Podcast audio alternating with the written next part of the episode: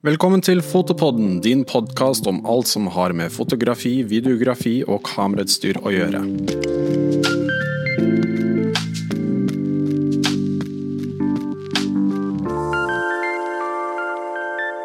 Det er jo snart ferie, og mange skal ut og reise.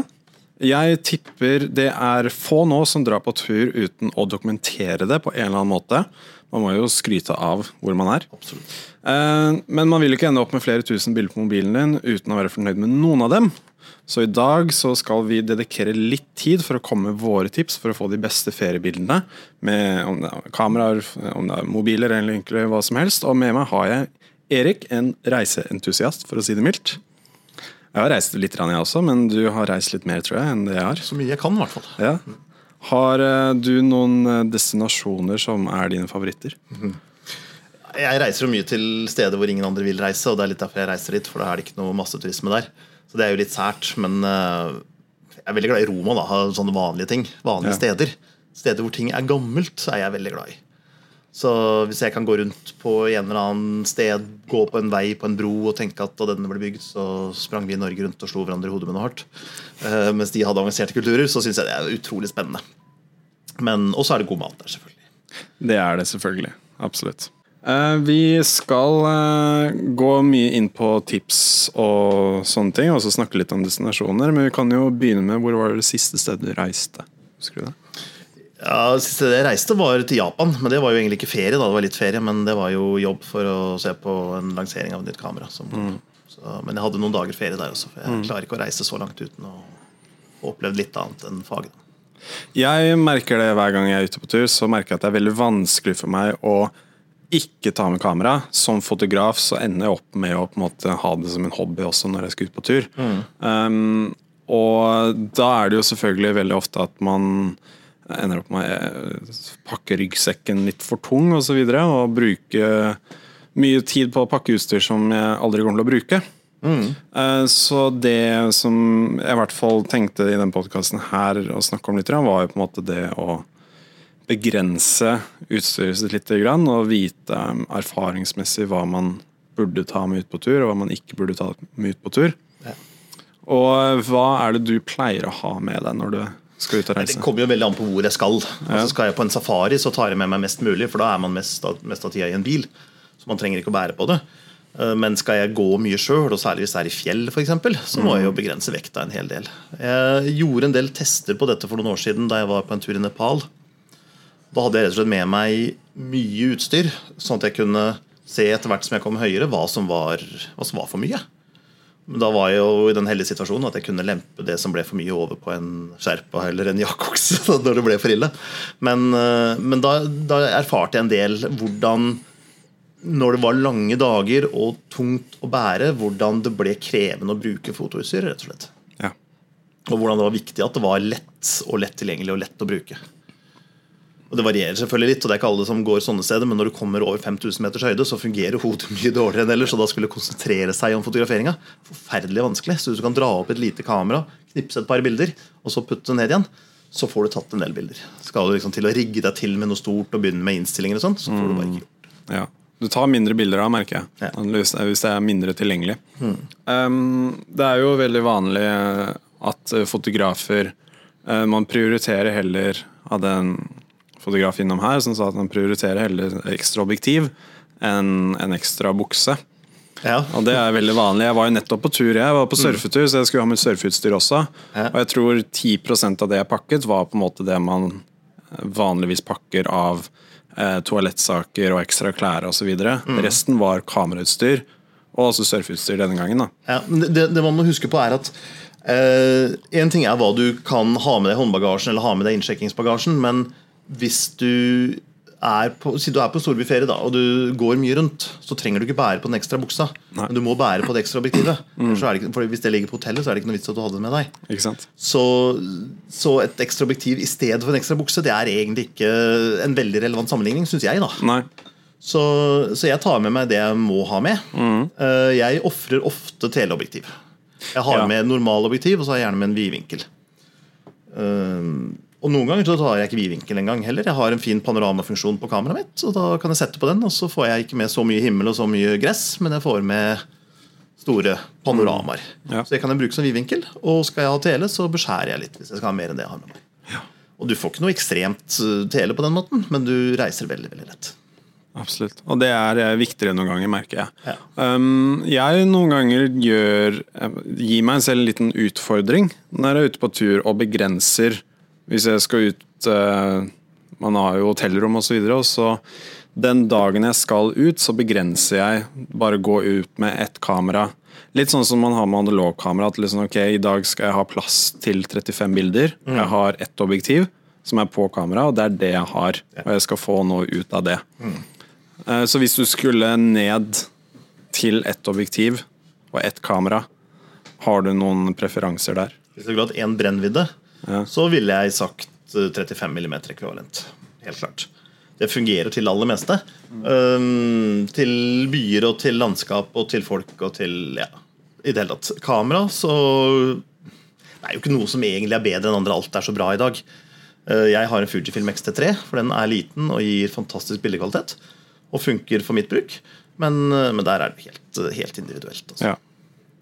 Uh, Når det gjelder å, å bare gå ut med en sånn brennvidde, så fungerer det veldig bra når du er aleine.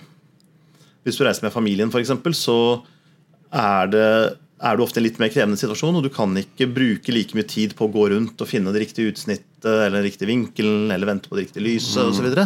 Da må ting gå litt fortere, og da er det veldig praktisk med en zoom. Ja, Vi snakket nettopp om det både i helgen og nå i stad, at det å reise eh, Hvis du er en fotograf, og så reiser du med noen som ikke er en fotograf, og skal ut på tur En fotograf bruker jo vanligvis mye lengre tid på en gåtur pga. at man bare vil ta bilder av alt. Ja. Så jeg kan se for meg, jeg har opplevd det også noen ganger når jeg har vært ute på tur, at det er jo kjempeirriterende for alle de andre. Jeg henger jo alltid etter. Hvis jeg er ute, ute med familien f.eks., så er, henger jeg etter dem hele tiden. For de skal bare gå fra A til B og kanskje se litt og sånne ting, mens jeg skal stoppe og ta 30 bilder av alt jeg ser på veien. Det jeg gjør noen ganger da, det er å stå opp før dem. Nå er jeg så heldig at jeg har en familie av B-mennesker. Eh, Så det går an å stå opp før dem og gjerne få med seg morgenlyset, altså soloppgangen. Og så kan jeg gå ut alene. Og Da er det lite folk i gatene. Hvis du er i en by, så ser du at byen våkner. Hvis du er ute i naturen, så ser du at naturen våkner. Og Så får du det fine morgenlyset, og så har du tid til å gjøre det på din måte og på dine premisser. Og Det jeg har begynt å gjøre nå også, er at eh, jeg var i Lisboa i høst, og da tok jeg meg en joggetur på morgenen og markerte på Google Maps de stedene jeg har lyst til å gå tilbake til for å ta bilder. Og liksom skauta litt uten kamera, men at jeg bare sånn registrerte på veien at bare sånn, ok, dit skal jeg, dit skal jeg, dit skal jeg, dit skal jeg, på visse tider av dagen. Og du ser også, har en app hvor du ser hvor sola står opp og går ned. eh, For å sørge for at du får de beste bildene på den beste tiden av dagen. Da. Ja, sånt er jo helt fantastisk. Er man på steder hvor man har tid til å gjøre research, Ja. så er jo det det som gir de beste bildene. Det er helt klart. Og Reiser man alene eller sammen med andre fotografer, så har man jo gjerne det. Og Reiser man med familien, så må man bruke morgenen. Ja. Man vil liksom ikke være den irriterende personen som Eller stopper hele tiden. eller hvis de andre vil ta en pause på hotellrommet, så sier man ja, men dra tilbake til hotellrommet, jeg går og tar noen bilder. Ja. Og da slipper de å henge med en slitsom fotograf. Så slipper du å henge med en familie som ikke vil henge med en slitsom fotograf. Hva er det som fanger interessene mest når du er ute og reiser for å ta bilder? Er, um, Settinger som er mest mulig annerledes enn hjemme, kanskje. Ja. Det kan være alt mulig. Det kan være mennesker, det kan være dyr, det kan være natur, det kan være landskap. Det kan være alt mulig, egentlig. Men, men jo mer fremmedartet du blir, jo mer spennende er det jo, selvfølgelig. Og det er jo det, og det som fascinerer meg med reising, også, at ting er ikke som hjemme. Og da, da blir det litt gøy. Og når jeg var i Japan nå, så er det jo ingenting som er som hjemme. Altså, det er jo ingen som skjønner noe du sier, eller du sier til dem, eller du skjønner ikke hvorfor de gjør ting, eller hva de gjør. Og da blir det jo veldig spennende med en gang. Altså. Og ting er annerledes. Um, ellers så er det jo jeg, jeg bruker jo en del tid på å, å dokumentere turen. For å vise Vise hvor jeg har vært. Jeg tar lite bilder av meg sjøl. Det, det er ikke mye selfies uh, hos meg. Men, eh, men eh, jeg prøver å lage en historie. Så at jeg tar for eksempel, Hvis vi reiser da med familien, så tar jeg bilde når vi står på bussholdeplassen hjemme tidlig på morgenen før sola har stått opp og det er kaldt ute. Og så tar jeg bilde ved gaten hvor det står hvor vi skal hen. Og så tar jeg bilder når ungen er dritslitne og bare vil sove. Uh, også de, litt, altså de, ukule situasjonene, for det, det, passer inn i historien, egentlig. Mm. Hvis du bare tar glansbildene hele tida, så blir det også litt feil, syns jeg. Altså, jeg vil Ferien er mer enn det. Ferien er oppturer og nedturer. Jeg, jeg husker, ja, det husker jeg veldig godt fra da vi eh, dro mye på ferieturer med familien, med moren og faren min, da vi var yngre. Og Faren min var veldig glad i å dokumentere og ta mm. mye bilder. Men det var jo ikke noe vi alltid var så begeistra over. Men uh, moren min var også veldig glad i å lage fotoalbum. Ja. Og nå er det noe jeg setter virkelig pris på. Og bare kunne man, Jeg husker jo ikke alle turene vi dro på. Men uh, vi tar liksom en gang iblant og ser gjennom gamle fotoalbum, og så har jo vi alle de øyeblikkene der. Mm. Og det er et bilde av meg som treåring bare satt meg ned på gata og streika, fordi nå orker jeg ikke å gå mer. Mm. Og da, Før de hjalp meg eller gjorde noe med det, så bare tok faren min fram et kamera og bare tok et bilde av det. Og det hjelper jo ikke situasjonen. Jeg, jeg, blir jo ikke glad av det, men det er veldig morsomt å se tilbake på det nå. Det er det. det, er det. Og det er noe man setter pris på virkelig i etterhånd. Ja. Og så er det jo sånn at man blir lykkeligere altså Jo mer du jobber for å oppnå noe, jo lykkeligere blir du når du oppnår det. Så hvis det er litt slitsomt for å komme seg til denne ferien, så setter du mer pris på ferie når du først har kommet hit. Mm. Så må få det med. Ja, viktig å dokumentere det også. Mm. De lange ventetidene på flyplassen og kanskje de dagene hvor alt går rett i dass og sånne ting. Ja. Bare sånn, ja, men det er bare å knipse i vei. Med de dagene med horisontalt regnvær og mm. ja, få det med. Nå sitter vi her på hotellet og venter. Ja. Så det, det må med. Det må med. Og så er det jo selvfølgelig veldig enkelt i dag å lage en fotobok. Ja. Det fins flere programmer for å lage sånne fotobøker, og så bare laster du det opp, og så får du tilsendt en fotobok i posten. Så gjør det, for da har du minner. Ja, det vil jeg også absolutt anbefale. fordi da ender det opp med måte, at det blir en eh, greie man gjør på kvelden, istedenfor å bare gå gjennom alle de bildene på mobilen eller på PC-en. og sånne ting. Da blir det liksom noe annet. Mm. Ja, Så det vil jeg absolutt anbefale. Jeg også. Veldig fint å vise fram til andre også. Og selvfølgelig hvis du reiser sammen med andre enn bare nærmeste familie, lag flere eksemplarer av boka og gi til de andre som var med på turen. Eh, vi kan jo, vi har samlet noen tips ja. eh, som vi ønsker å snakke om. Vi har også laget en video på dette her, så jeg skal ta noen tips jeg har snakket om i den videoen. Mm. Eh, reisetips som jeg i hvert fall eh, alltid følger. Mm. Og så har du også noen. Eh, vi tar én Vi går annenhver, tror jeg. Hvor mange, hvor mange, tips har du? Nei, jeg har så mange. Hvor mange er det? En sånn, Tolv? Nei, men eh, okay. vi har snakket om noen allerede, så vi kan ta det litt pø og så kan jeg Ja. ja. Vil du begynne? Jeg kan begynne. Um, ja, jeg, jeg, tenker at du kommer, Hvis du kommer til et sted med, med mye turister og kjente turistattraksjoner, så er det jo veldig lett å ta disse klisjébildene. Når du finner Eiffeltårnet, så tar du bilde av Eiffeltårnet. Det syns jeg er helt i orden, men ikke stopp når du har tatt et bilde av Eiffeltårnet. Mm.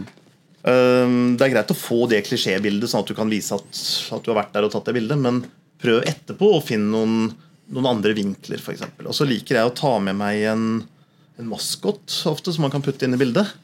Sånn at så, så bryter litt da med, med, de vanlige klisjeene. For det er ikke så alltid så lett å finne en annen vinkel. Er du på den kinesiske mur, så er det stort sett én vinkel. Du har oppå muren, og så har du oppover ja. langs til du ser at muren forsvinner i horisonten. Eh, hvis du da har med deg en rød bamse og setter det et eller annet sted i forgrunnen, så bryter det såpass at man legger merke til den røde bamsen, og da blir det et helt annet bilde med.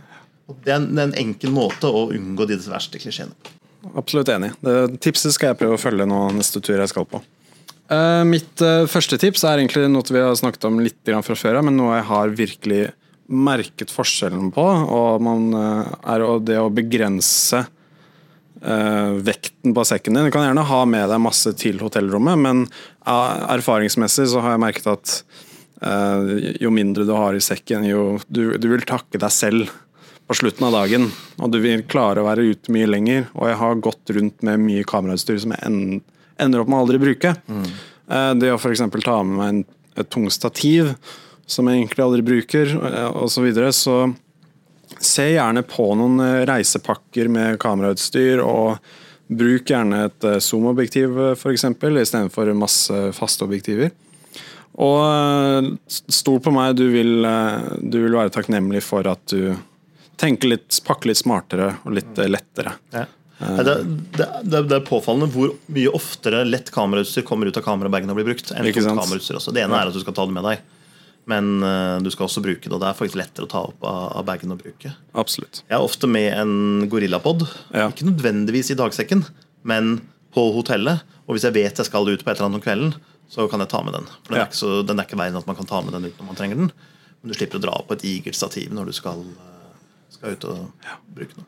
Ja, og jeg pleier egentlig det samme også. Ta alltid med meg en gorillapod. Så en gorillapod går istedenfor en tripod. Eh, hvis jeg skal ut på tur. Den. Hvis jeg må velge mellom det, så er det en på. Det jeg alltid tar med. Den veier ingenting. Ok, Neste tips. Neste tips um, snakk med folk. Det er utrolig hva du kan oppnå av kontakt. Altså, I de fleste land så igjen, Det kommer an på hvor du reiser. For Reiser du til Mallorca, så er det ikke sikkert lokalbefolkningen syns det er så spennende at du kommer bort og begynner å snakke med dem. For De er litt lei av turister. Men, men i veldig mange land så syns folk det er spennende når utlendinger kommer bort og snakker med dem. Og Så gjør det, for da får du en annen kontakt og er lettere å få gode bilder. Og Gå gjerne veldig, veldig nær. Står noen og jobber med noe, spør om det er greit, og så gå helt opp i det. Jeg har gått inn på kjøkkenet på små restauranter i Bolivia. Jeg har gått helt opp i bålet til en kar som sto og spadde torv eller, eller høy på, på et bål for å brenne det. Holdt på å smelte kamera og brenne opp meg sjøl og bli halvkvært. Men, men jeg fikk veldig spennende bilder fra rare vinkler som jeg aldri hadde fått hvis jeg ikke hadde turt å gå nær og inn i situasjonen. Så vi kan jo si som Robert Capa, hvis bildene dine ikke er gode nok, så er du ikke nær nok. Ja. Da kan jeg komme med et tips som er ganske relevant til det, som jeg også har merket på, ut på turene mine. og Det er på en måte det å eh, anerkjenne og respektere lokalbefolkningen. Og det å kommunisere med dem før du vil gjøre, ta bilder av dem. Eh, selv om på en måte sånn Jeg har jo tatt meg selv i å tenke at ok, selv om jeg har et kamera, derfor er liksom de på gatene er på en måte mine modeller. Og de er jo ikke det. De er bare en, folk som skal til jobb og har sine liv der de bor. Mm. så jeg på en måte har en sånn eh, en eh, rutine som jeg syns folk skal følge, eh, kan følge, og det er å eh, løfte opp kameraet ditt og vise at du er interessert i å ta bilde av dem. Og hvis de nikker og sier ja, så er det bra. Og så viser jeg dem alltid bildet etterpå. De setter mye pris på det. Så de sier at de, de liker det, og så kommuniserer du og snakker og uh, bryter isen litt. Og, og i hvert fall også hvis det er en gateselger f.eks., så kjøper jeg vanligvis noe av dem også. For å anerkjenne og, og at de, de gjør meg en tjeneste ved å stille som uh, modell. Ja. Jeg husker noe, Det rareste jeg, måtte, jeg kjøpte en gang, var en sånn eh, øreskje fra en fyr, en gateselger på Sri Lanka. Men han var bare så interessant, og sånn, en sånn gammel, lokal fyr. da som kom bort og da heiste opp kameraet og sa det greit, men da anerkjente han at han hvis du kjøper dette av meg, så er det greit. Og jeg bare sånn, ok greit, så kjøpte jeg det, og så visste jeg ikke hva det var. så jeg skjønte ikke, og så var det noen sjåfør da som sa sånn, det er til å rense øret ditt med voks. Jeg har den fortsatt et eller annet sted. Men eh, det var liksom sånn, ja, men den er grei, den. Han bare var så kul fyr. Og med en gang jeg på en måte Jeg kjøpte jo tiden hans, fordi han skal jo jo der for å tjene penger. Og hvis jeg bare sånn, ja, men jeg kjøper litt fem minutter med deg nå, og så kan jeg ta bilder. Og han poserte og gjorde alt mulig rart, og hoppa opp og ned og var kjempehappy, han. Eh, Så det vil jeg gi tips til folk, å liksom gjøre det på riktig måte. Ja. Eh, og hvis, hvis de ikke nikker og hvis de sier nei eller vifter det vekk, så må man også respektere Man må det. respektere det. Det er veldig viktig. Det du kan gjøre, selvfølgelig, er jo da å ta bort kamera, og så kan du begynne å snakke med dem. Ja. Og så etter å ha snakket med dem litt, så kan du spørre høflig en gang til om det er greit å ta bilde. For da er du plutselig en kjent. Du er en bekjent som tar bilde, og ikke en fremmed som tar bilde. Og det er en helt annen setting. Så Det kan også ofte fungere, men det kommer an på hvor mye tid du har til å bruke på det. ja. Det handler veldig om å gjøre det på riktig måte. Og det var en, eh, Jeg lagde en video hvor jeg intervjua noen, lokal, noen fra lokalbefolkningen på Sri Lanka. Og Da leide jeg en sånn tuk-tuk-sjåfør, som uh, funka også som en eh, Han oversatte også. Ja, Uh, han, han var tolk. Ja, han var tolk. Uh, Og um, eh, så sa jeg gjerne at jeg skulle gjerne ha en fisker en som står og eh, selger kokosnøtter osv. Så, videre, så lista opp et par ting som jeg ønsket. da. Hæ? Og han kjørte jo til de han kjenner, og så kjøpte jeg noe av dem, eller ga dem litt penger som takk for hjelpen, og så ga jeg også han litt penger for takk for hjelpen. Men da liksom var jeg med han tolken, da. Og da var det på en måte liksom Det var godt du ikke Greit. til en elefanthandler, da. ja. det ville jeg, det skal jeg Kunne stilt han et par spørsmål. Ja, men det er, hvis du måtte kjøpe noe av han, mener jeg. Så Ja, nei, det trengte jeg. ok, neste tips. Ja. Din tur. Ehm, ja, jeg vil jo gjerne snakke litt om sikkerhet, egentlig. For det er jo Det er jo ofte dyrt utstyr man går med, og nødvendigvis synlig utstyr man går med. Og hvis man reiser, De fleste land er jo naturlig nok fattigere enn Norge, og dermed så blir det fort veldig veldig store verdier for en del mennesker i de landene. Og Da finnes det en del triks man kan bruke, og en del tips man hører som ikke nødvendigvis er spesielt lure. En av dem er sånn teip over kamera og få det til å se herpa ut. Jeg tror egentlig ikke det betyr så mye. For er du i Afrika, og en gjennomsnitts månedslønn er 500 kroner Så hvis du kommer med kamera til 10 000 kroner, som er enten ser ut som det har vært 10 000, eller bare ser ut som det har vært 5 så er det likevel nesten en årslønn. Og hvis noen er ute etter å stjele det, så er det for verdifullt til å la passere, enten du har teip på det eller ikke. Så, så det tipset tror jeg ikke betyr så mye. Men det som er litt viktig å huske på, er at man kan ikke eh, hindre noen i å stjele utstyret. Det man kan gjøre, er å gjøre det lettere for dem å stjele noen andres utstyr. Og Det høres kynisk ut, men det er, det er litt sånn som i naturen. altså Når, når et rovdyr jakter på bytte, så går det etter det svakeste, sykeste, det som løper saktest. Og Sånn er det egentlig med de fleste tjuver, lommetyver, kameratyver. De går etter de letteste byttene. Så da er det jo egentlig bare å gjøre seg til det ikke letteste byttet. Det er mange måter å gjøre det på. Du kan, det viktigste er egentlig å vise at du er forberedt. Jeg har noen ganger sydd en, en eh, messingsnor eller ståltråd eller sånt, inn i kameraremmen. Ja. Og den er ganske synlig. Ja. Og da ser folk at du har tatt forholdsregler. ja. Eller hvis du har en glidelås, sett en liten binders på, f.eks. Mm. Det er så mye plunder å få opp at de går heller på noen andres utstyr. Det er ikke mer enn det som skal til.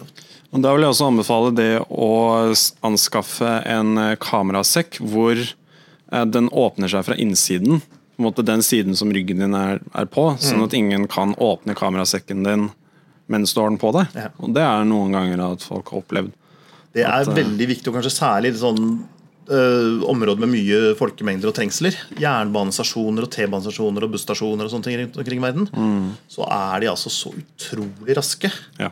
til å være oppi sekken din og ut igjen at øh, du vil ikke tro det før du har opplevd det. Og da, da er det ofte litt for seint når du har opplevd det. så, så pass på sånne ting at de ikke kan komme opp i sekken. Og har du uh, har du en kamerabag, hold en arm over bagen. Setter du deg ned, ta beinet og tre gjennom remmen på, på kamerabagen. For da kan man ikke bare ta kamerabagen og løpe. En del sånne ting er, eh, er veldig viktig, altså, for da går du egentlig alle sånne situasjoner ganske greit. Og viktig, viktig, viktig ha reiseforsikringen i orden.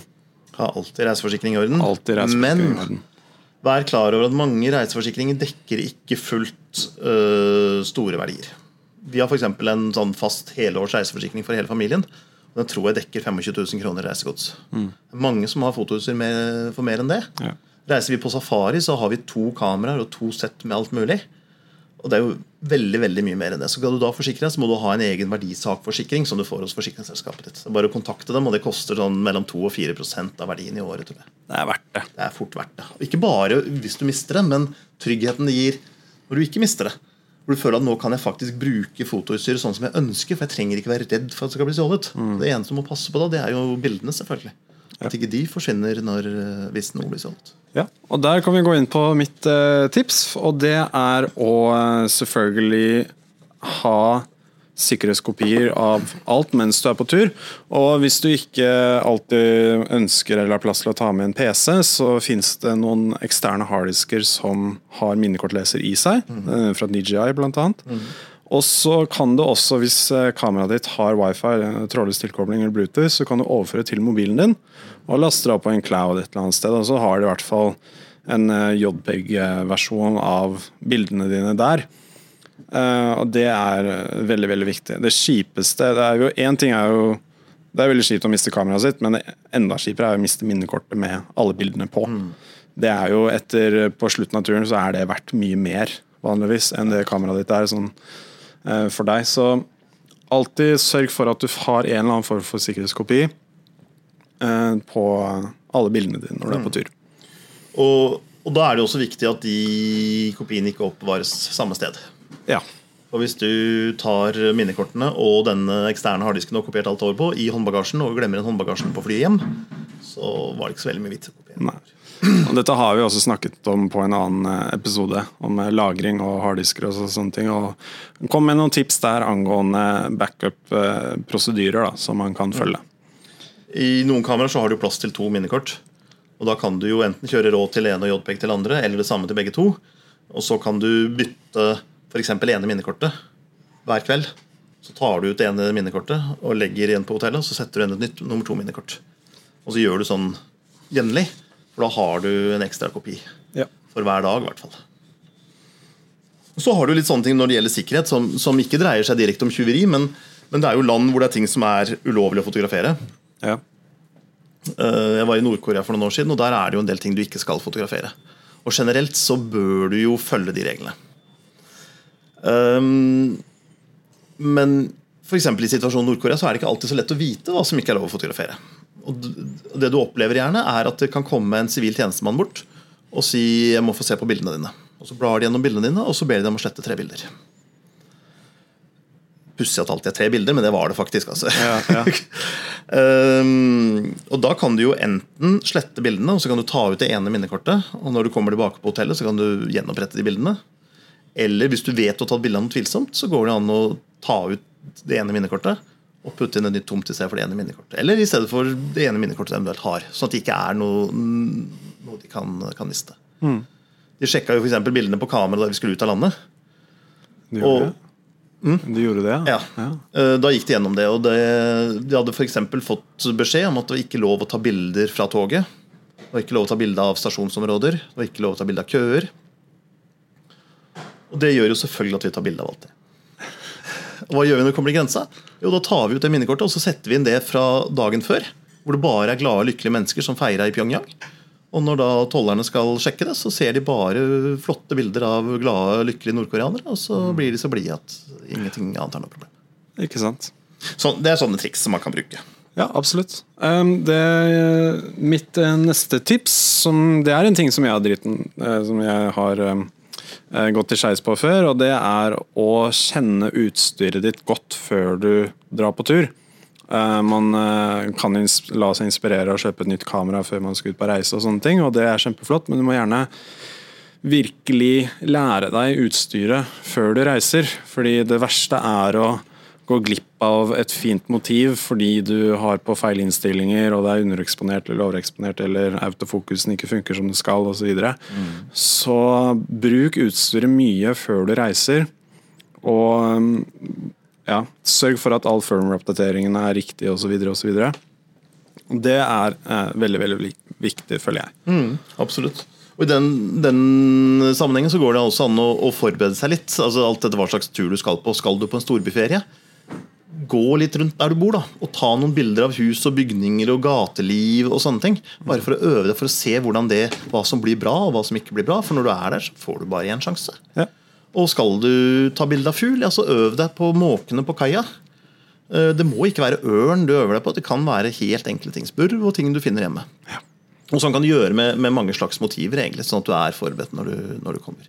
Og selvfølgelig, i tillegg til å kjenne utstyret, vit at det fungerer. Ja. Pass på at batteriene er ladet opp. Test at kameraet fungerer. Og Særlig hvis det er noe nytt. Selv om det er, du har bytta ut uh, forrige modell med en helt lik en, så må du vite at det virker før du drar. For det, det er ikke så lett å få service på det når du er på tur. Ikke sant. Veldig bra. Har du et tips til? Det har jeg sikkert. Um, det er selvfølgelig ikke noe vi oppfordrer til, men uh, noen ganger så dukker det jo opp et behov for å ta bilde av noe du ikke bør ta bilde av. Det trenger ikke være ulovlig, men det kan være en situasjon som bare er helt fantastisk, men som du vet at folk ikke liker at du tar bilde av. Da går det an med moderne kamera som har wifi. Hvis du har et speilløst kamera, så setter du det i uh, lydløs stilling, altså så den bruker elektronisk lukker, så det ikke lager noe lyd når du tar bilder. Og Så kobler du det til telefonen med wifi. Og så lar du bare kameraet henge over skulderen. Og så snur du deg i en sånn retning sånn at kameraet peker mot det du skal ta bilde av. Og Det kan godt være litt sånn på skrå, sånn at det ikke ser ut som du er akkurat mot det.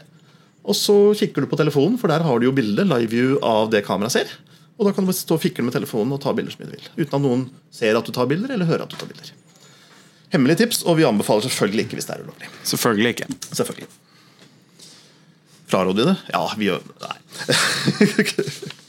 Har du noen flere? Ja, nei, Det er jo litt med, med dette hva man, hva man, skal ha med seg. Nå tok jeg med tilfeldigvis kameraet mitt i dag.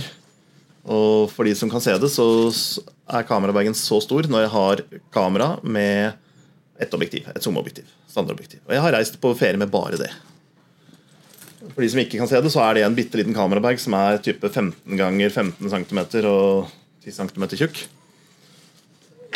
Og der Det gjør at det alltid er med. For Jeg reiser av til noen steder hvor det er såpass mye kriminalitet for at du kan ikke legge en kamera noe sted. Mm. Du kan ikke legge den på hotellrommet. Eh, du kan egentlig ikke legge den i safen engang, for noen kan finne på å åpne safen.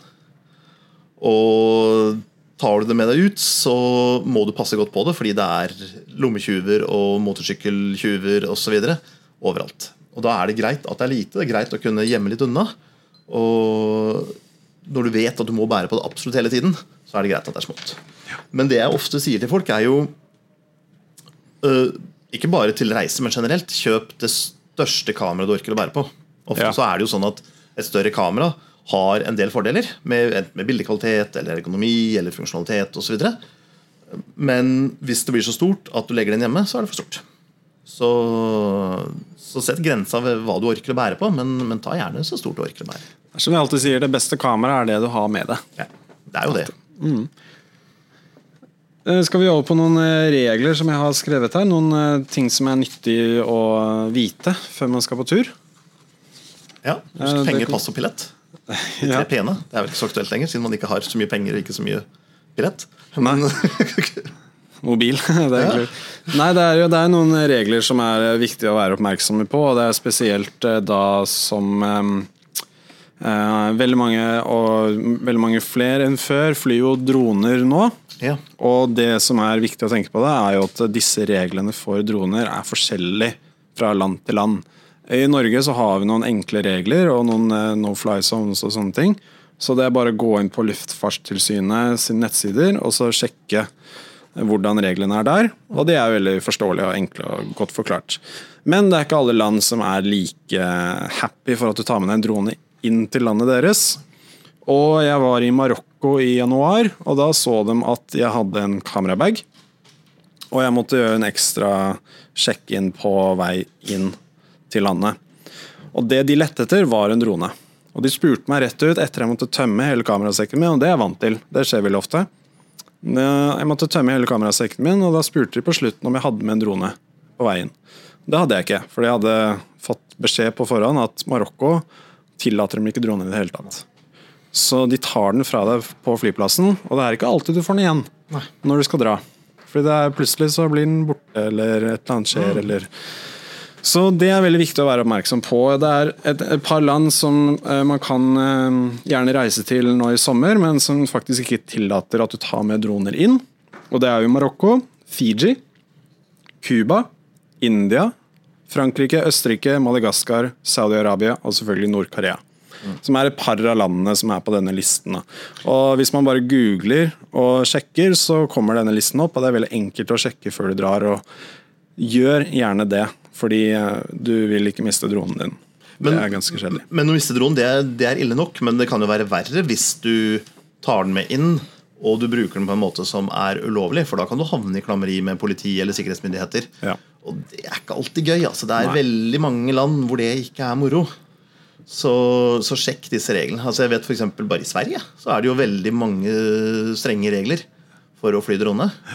Og nå er kanskje ikke sikkerhetsmyndighetene i Sverige de du gruer deg mest til å møte.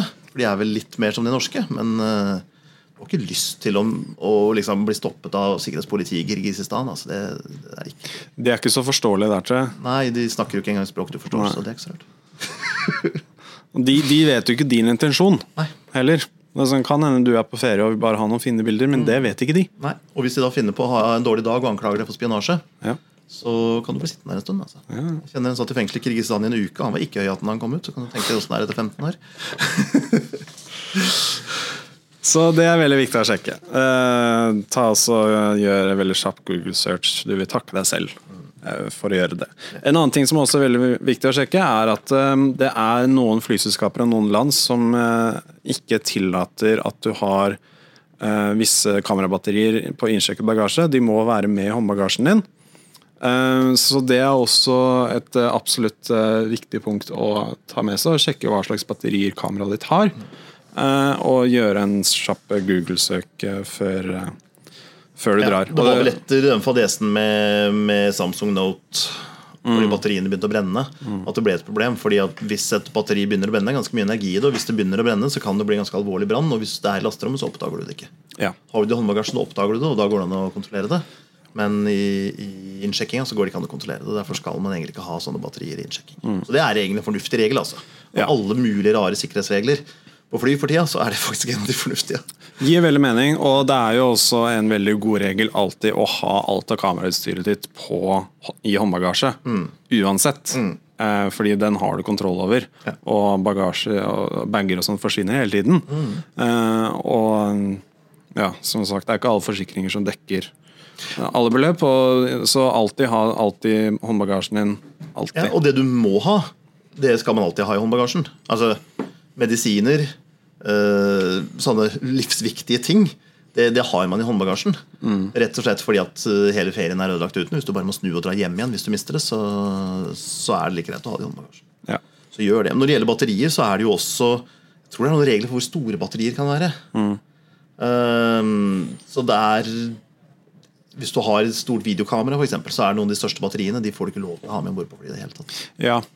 Så, så sjekk det også før, eh, før du legger ut på tur. Absolutt. Og når man har med kamerautstyr, så er det også veldig viktig å planlegge ekstra tid eh, gjennom sikkerhetskontrollen. Fordi det er jo veldig ofte at når de ser på den skanningen av bagen din, så er det mye kabler og mye forskjellige ting som er der.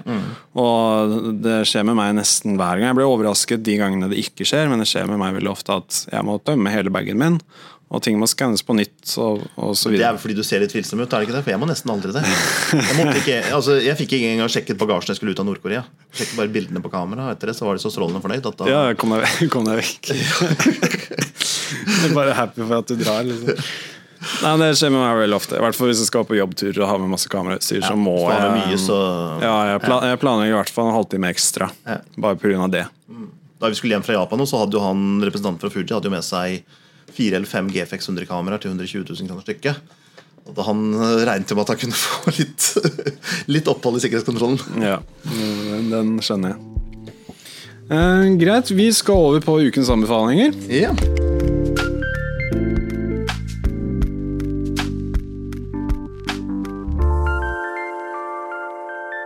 Ukens anbefalinger er jo da selvfølgelig en spalte vi har på slutten av hver podkast, hvor vi kommer med vår anbefaling til lytterne. Det kan være enten en eh, annen podkast, en Instagram-profil, eh, egentlig hva som helst. En fotograf. Vi hadde en som anbefalte det å gå i gresset bare beint en gang. Så det er jo egentlig hva som helst. Har du noen anbefaling du ønsker å gi til lytterne denne uka her? Det skal være skikkelig uoriginal i dag. Ja. Jeg har en nettside å anbefale. Den heter foto.no. Eh, nei, altså det er, det er rett og slett det at foto.no er så mye mer enn bare en butikk. For eksempel. Vi har jo en redaksjonell nettside som jeg tilfeldigvis er redaktør for. Og i tillegg til at vi skriver om mye rart, så har vi jo bruktmarked, vi har forum, vi har bildekritikk, vi har veldig mange forskjellige tjenester. Og det er veldig mye der som, som folk ikke er klar over. Så ta en kikk på, bare gå inn på foto.no uten noe butikk foran. eller sånt. Ta en kikk på hva som finnes der. Det er ganske mye gøy. Ja, kult. Eh, Jeg ønsker å anbefale noe som Jeg var nettopp eh, i Hoddevik på Vestlandet nå i helgen. Og bare kjøreturen frem og tilbake er jo eh, et syn å se i seg selv. Det er verdt turen. Så jeg vil anbefale folk det denne Hvis du ikke har noen planer den sommeren her, reis i Norge. Gjerne ta en roadtrip et eller annet sted, og bruk god tid på veien, fordi du kommer til å stoppe mye og ta bilder. skal jeg love deg.